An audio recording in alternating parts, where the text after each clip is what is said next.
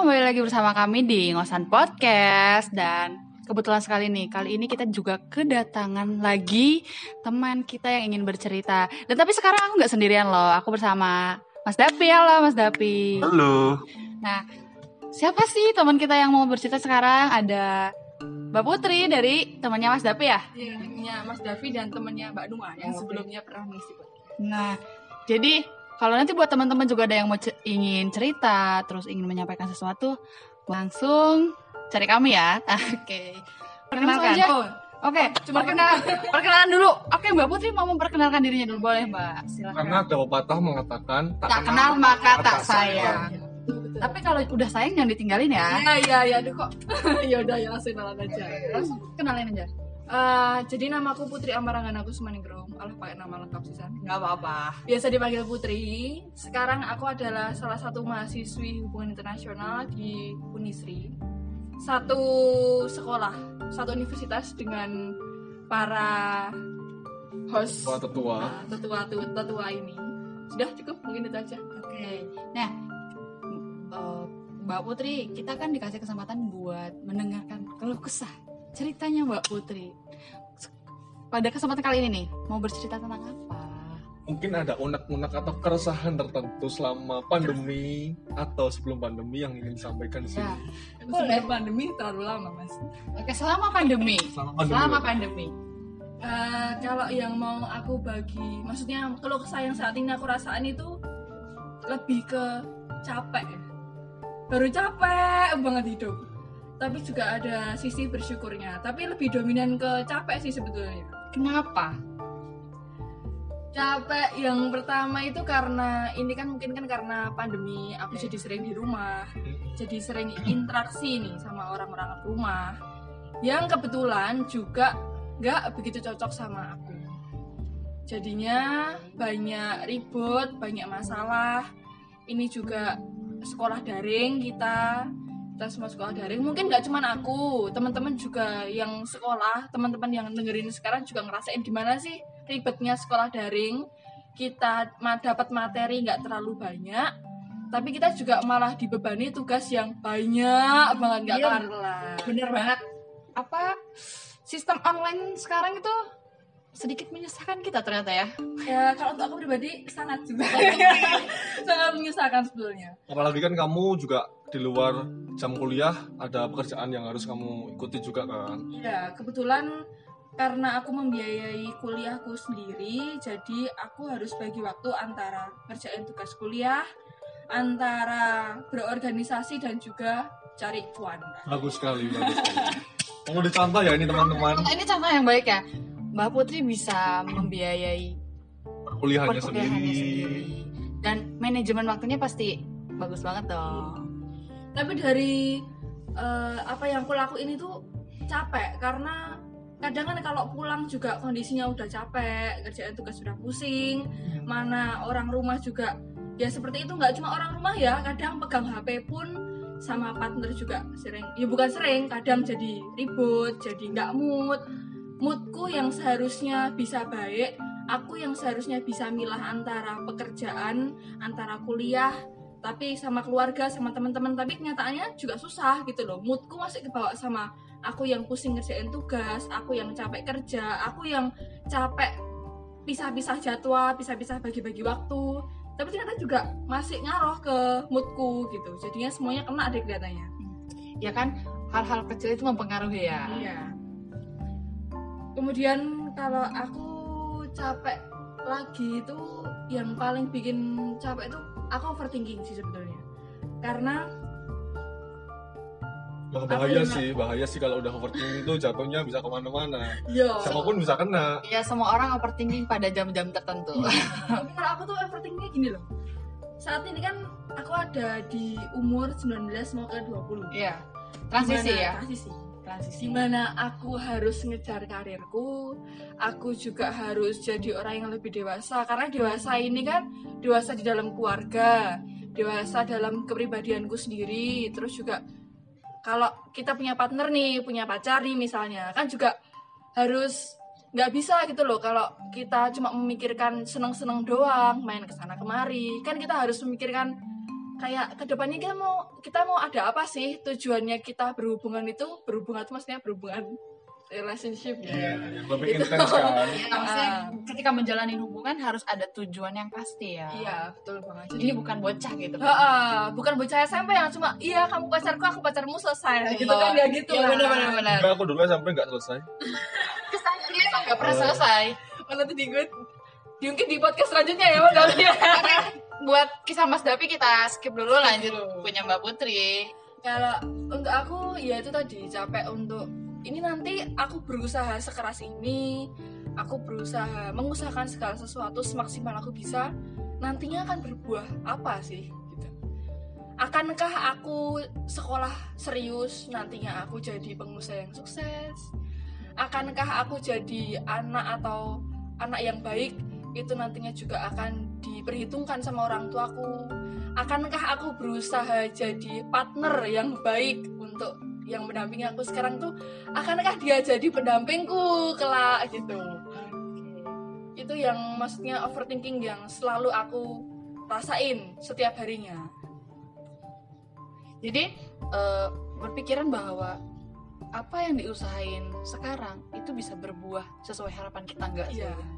Iya. karena memang nggak bisa dipungkiri kalau mengusahakan se- sekeras apa pun usaha sekeras apa pun yang kita lakukan kan tetap nanti keputusan terakhir ada di tangan Tuhan Kita hanya bersana, Iya. Tuhan yang mengatur sebenarnya. iya Karena ada istilah gini, ketika kita menginginkan sesuatu, Tuhan tuh ngasih dengan tiga cara. Entah itu benar-benar memberikannya pada kita, entah itu mengujinya sama kita, ataupun nanti mendatangkannya lalu menghilangkannya.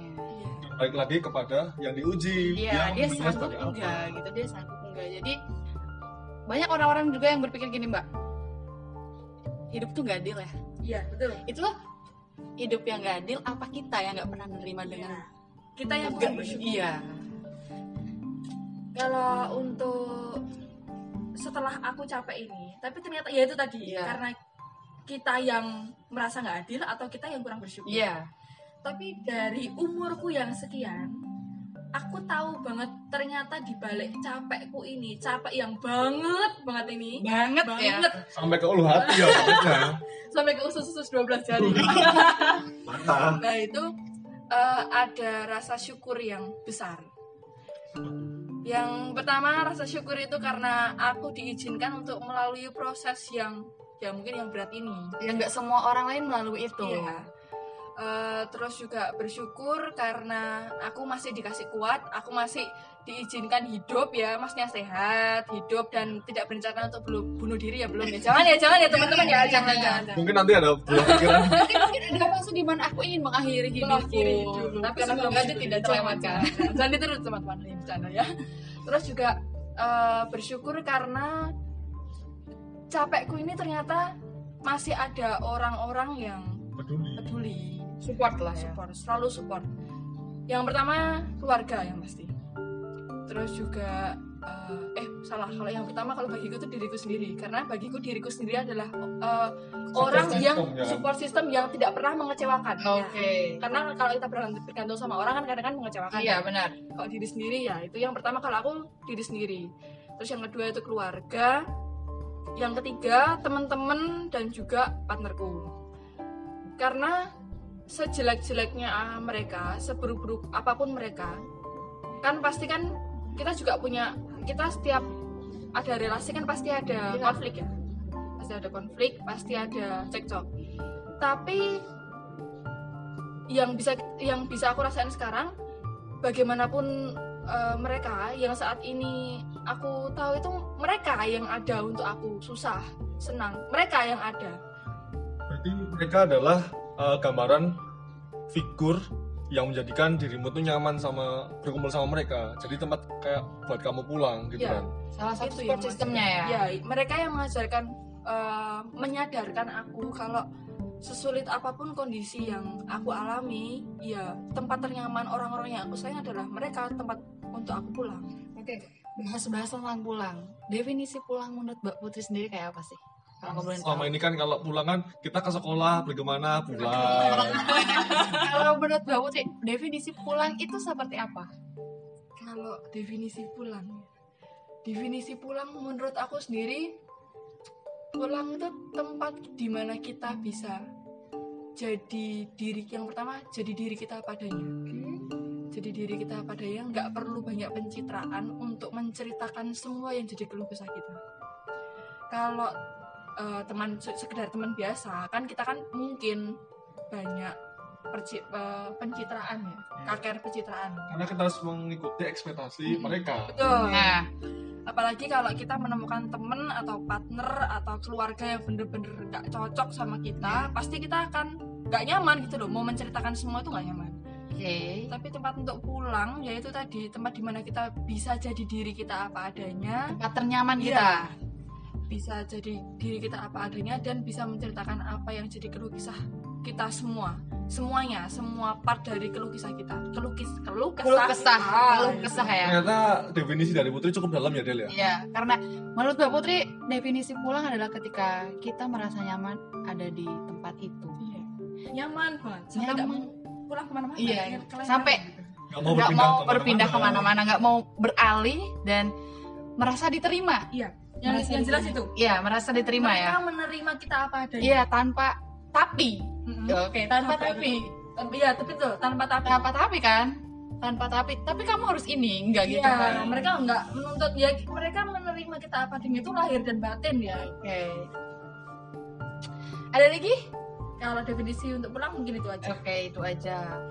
terus kan tadi kamu, kamu bilang kamu punya partner nih Oke. ya kan?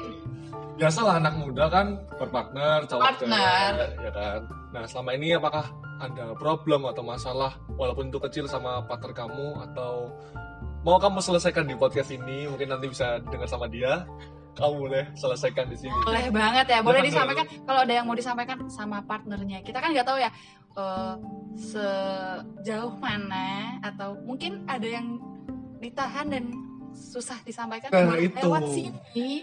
Ini bisa ini kita sebagai media ya. Karena kan tapi kita bukan peres bukan mau eh, memaksa kamu cerita enggak. Cuma kalau kamu mau sharing atau menyampaikan kepada dia lewat sini oke banget dong. Ini kenapa aku bisa bilang partner? Karena memang sebetulnya ini yang perlu diketahui sama semua ya. Itu eh, aku nggak terikat. Kita nggak terikat. Oke. Maksudnya nggak terikat tapi kita bu nggak berkomitmen secara langsung cuman kita mengusahakan eh, untuk saling selalu ada kita bertahan pastinya aku sama dia itu ketemu di sebuah acara ya sebuah acara di waktu itu kebetulan di Magelang terus ini, ya ini dari awal kisah nih berarti ini dari awal. Oke, nggak apa-apa. menarik nih guys Menarik. Tetap. Dari tadi kita bahas tentang kehidupan. nah Sekarang kita bucin dulu sebentar. Ada ada fase di mana kita harus menikmati gitu. Ayo, boleh Mbak lanjut. kemudian eh, setelah aku ketemu dia sebetulnya aku sama dia itu nggak temenan deket waktu di Magelang karena aku lebih deket sama teman-temannya dia waktu itu terus setelah pulang setelah kita ngobrol-ngobrol lanjut-lanjut ternyata nyambung kalau aku bisa cerita sedikit nemuin orang yang cocok nemuin orang yang apa namanya cuma sekedar sebentar ini kalau yang cuma sekedar diajak senang-senang cuma di sekedar untuk dimanfaatkan itu mudah. Tapi kalau menemukan yang cocok sefrekuensi itu susah. Sulit. Susah sekali. Karena aku ngerasa dengan partnerku yang ini dia yang pertama bisa nerima aku apa adanya. Iya. yang kedua dia dewasa. Dewasa dalam artian itu nggak nggak mempermasalahkan hal-hal kecil. Terus juga dia tahu kalau kehidupanku itu nggak melulu tentang dia nih. Buat teman-teman yang bucin banget ya mungkin ini bisa jadi salah satu eh, cara untuk open mind kalian. gitu oke. Jadi nggak melulu kehidupan kalian soal bucin percintaan. Ini, ini lah, mungkin ini Mas Mbak Putri nggak sel, nggak selalu eh, ketika kalian menjalani hubungan nggak selalu apa-apa tentang dia gitu loh. Iya. Ada hal yang lebih penting dan Betul. lebih prioritas. Jadi jangan selalu berpikir, ah, pasanganku ke mana ya? Nggak Iya, ngabarin wah ah nggak ngabarin semenit ah marah-marah ya kan? Oh ini termasuk in, ini termasuk dari keresahannya putri. Iya, ini kalau- yang selama ini dia tahan guys. Jadi lebih baik kalian uh, memprioritaskan yang lebih baik tapi nggak cuma termasuk kebucinan kalian. Kalau bagiku partnerku itu penting ya partnerku penting tapi karena apa? Karena yaitu dia bisa mendukung tujuan lain yang sedang ingin aku capai. Itu yang penting. Wah luar biasa banget. ya karena kadang kan eh, partnerku penting karena ya itu balasin chatku yang karena aku gabut mungkin kan gitu kan. Tapi aku enggak. Bagiku dia itu penting banget karena dia bisa mendukung aku. Dia juga eh, bisa bikin aku ya itu tadi tempatku untuk pulang. Tapi sejauh ini kan berarti kamu eh, menjalannya dengan jarak yang cukup jauh dong. ya kebetulan LDR? LDR, LDR. LDR. wow walaupun cuma solo magelang ya tapi kan nggak kita nggak bisa setiap waktu ketemu aku ada kegiatan dia juga kebetulan ada kegiatan dia juga sekarang baru memperjuangkan cita-citanya Eh, jadi dia sibuk aku sibuk jadi kan orang normal LDR aja susah ketemu apalagi kita yang sama-sama punya kesibukan lebih Nah gini mbak LDR LDR. soal LDR nih. Kebanyakan orang tuh gagal. Nah tipsnya dong biar tetap kuat lah. Biasanya orang LDR itu eh, problems problem kecil aja jadi besar Ya, gitu dan itu jadi alasan Pakai pasangan. Nah, mengakhiri hubungannya. Tapi bagi yang belum tahu ten- tentang LDR, LDR itu apa? Coba bisa dijelaskan. L. LDR adalah long distance relationship, guys. Boleh dibagi tipsnya mbak buat teman-teman yang lain- buat teman-teman di luar sana biar tahu cara mempertahankan hubungan jarak jauh. sebetulnya itu tergantung dari pribadinya masing-masing ya Tapi kalau aku sendiri sebetulnya nih kalau mau dibilang percaya karena kunci yang pertama orang LDR itu percaya kepercayaan. Percaya Komunikasi ya percaya kalau aku percaya. Oke. Kalau aku percaya. Percaya dulu. Karena dari kita percaya kita bisa eh, menghidupkan komunikasi yang baik. Gitu. Kalau aku dibilang percaya, nggak percaya sebetulnya. Karena aku tipikal orang yang satu posesif, dua curigaan. Aku sama aku berhubung, aku punya hubungan dengan orang yang satu domisili dengan aku di sini aja, aku curigaannya minta ampun. apalagi jauh. Apalagi jauh, gitu. Caranya Gimana? gimana? Caranya ya, kalau aku lihat dia, yang pertama orangnya memang nggak aneh-aneh. Memang ya dari awal aku tahu dia, dia bukan tipikal orang yang bukan tipikal bad boy, Oke. Oh. Banyak lah, banyak tingkah lah ya, ya. banyak tingkah. Jadi itu yang bisa memunculkan kepercayaanku pertama kali waktu eh, menjalin hubungan sama dia. Oh. Terus yang kedua sering-sering mendoakan. Sering-sering mendoakan. Karena percaya aja Tuhan itu kalau tadi dibilang hidup itu nggak adil, Iya. tapi untuk masalah percintaan bagiku Tuhan itu sangat adil. Wow. Ah, Kalau kita melakukan kesalahan, maksudnya kita berbuat eh, salah, Ya. pasti nanti akan ada karma bener-bener karma yang setimpal datang di waktu yang nggak lama setelah kita melakukan kesalahan itu biasanya kalau aku pribadi Gusti Allah tuh mah adil Iya, ya. betul. Oke. tapi kalau eh, kita berbuat baik kita mendoakan dia dengan baik nanti andaikan pun kita baik dia buruk pasti akan segera dikasih petunjuk kalau dia melakukan kesalahan Jadi lebih ke spiritual ya ini ya. ya lebih ke doa percaya dan yang terakhir jelas komunikasi komunikasi mungkin kadang orang di saat kita ada masalah di saat kita eh, cekcok bukan masalahnya yang diakhiri tapi hubungannya Hubungannya yang diakhiri. Karena sebagian orang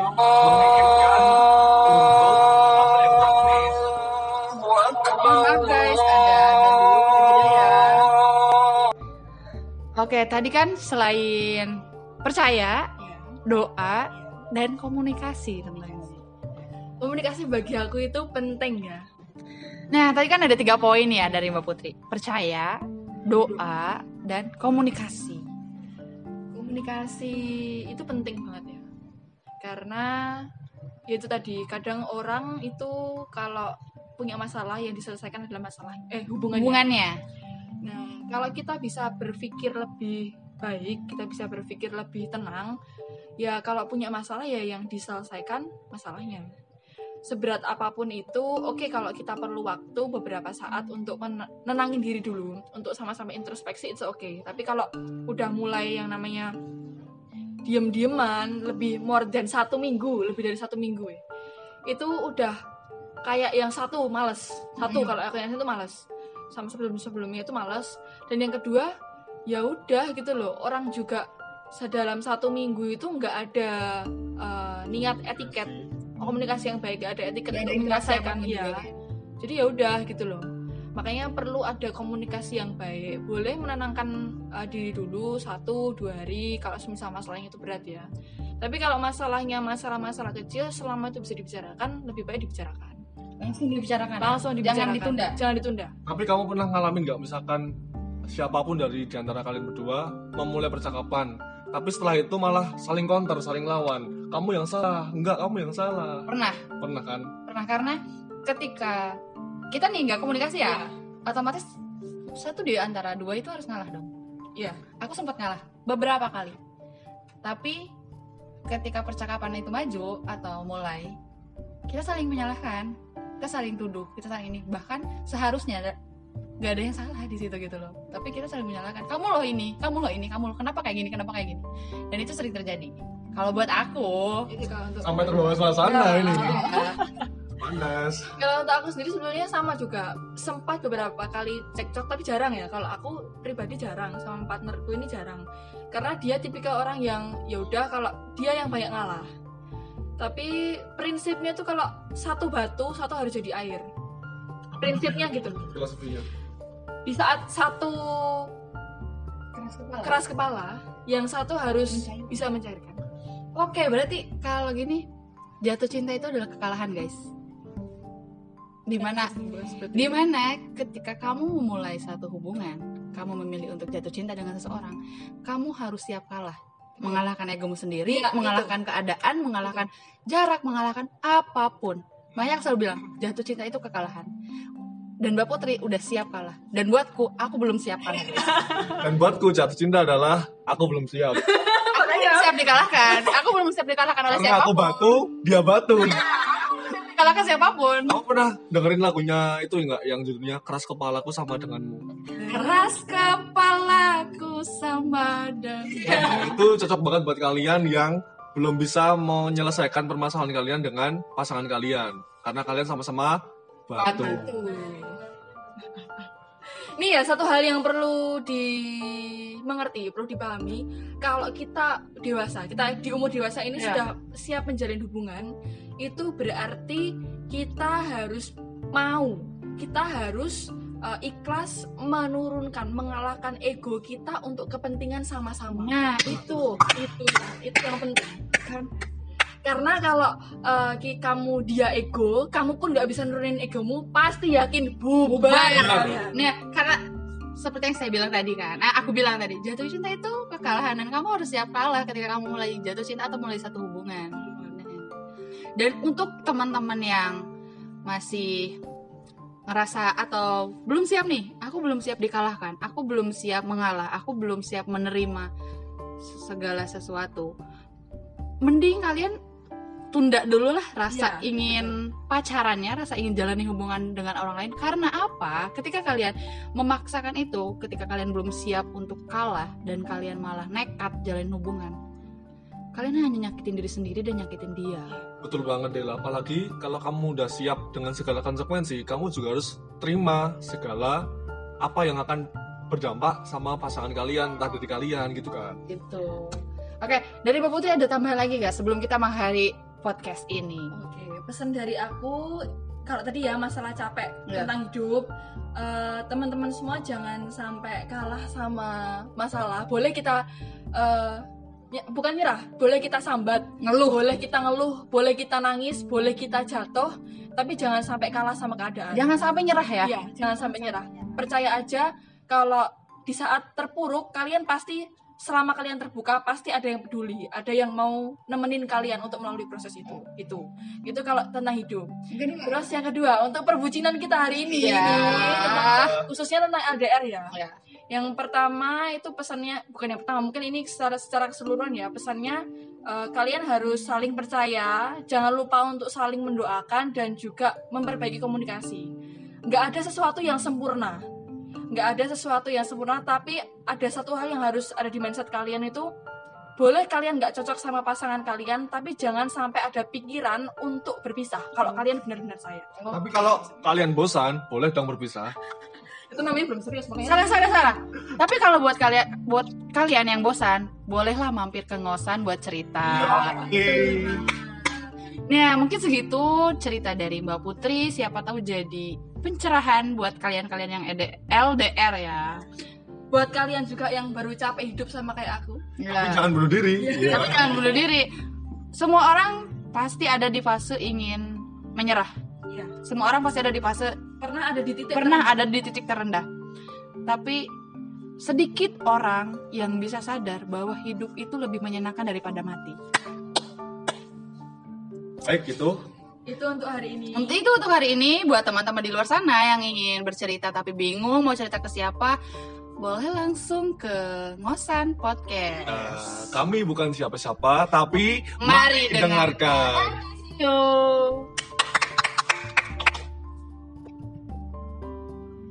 Banget tuh kisah.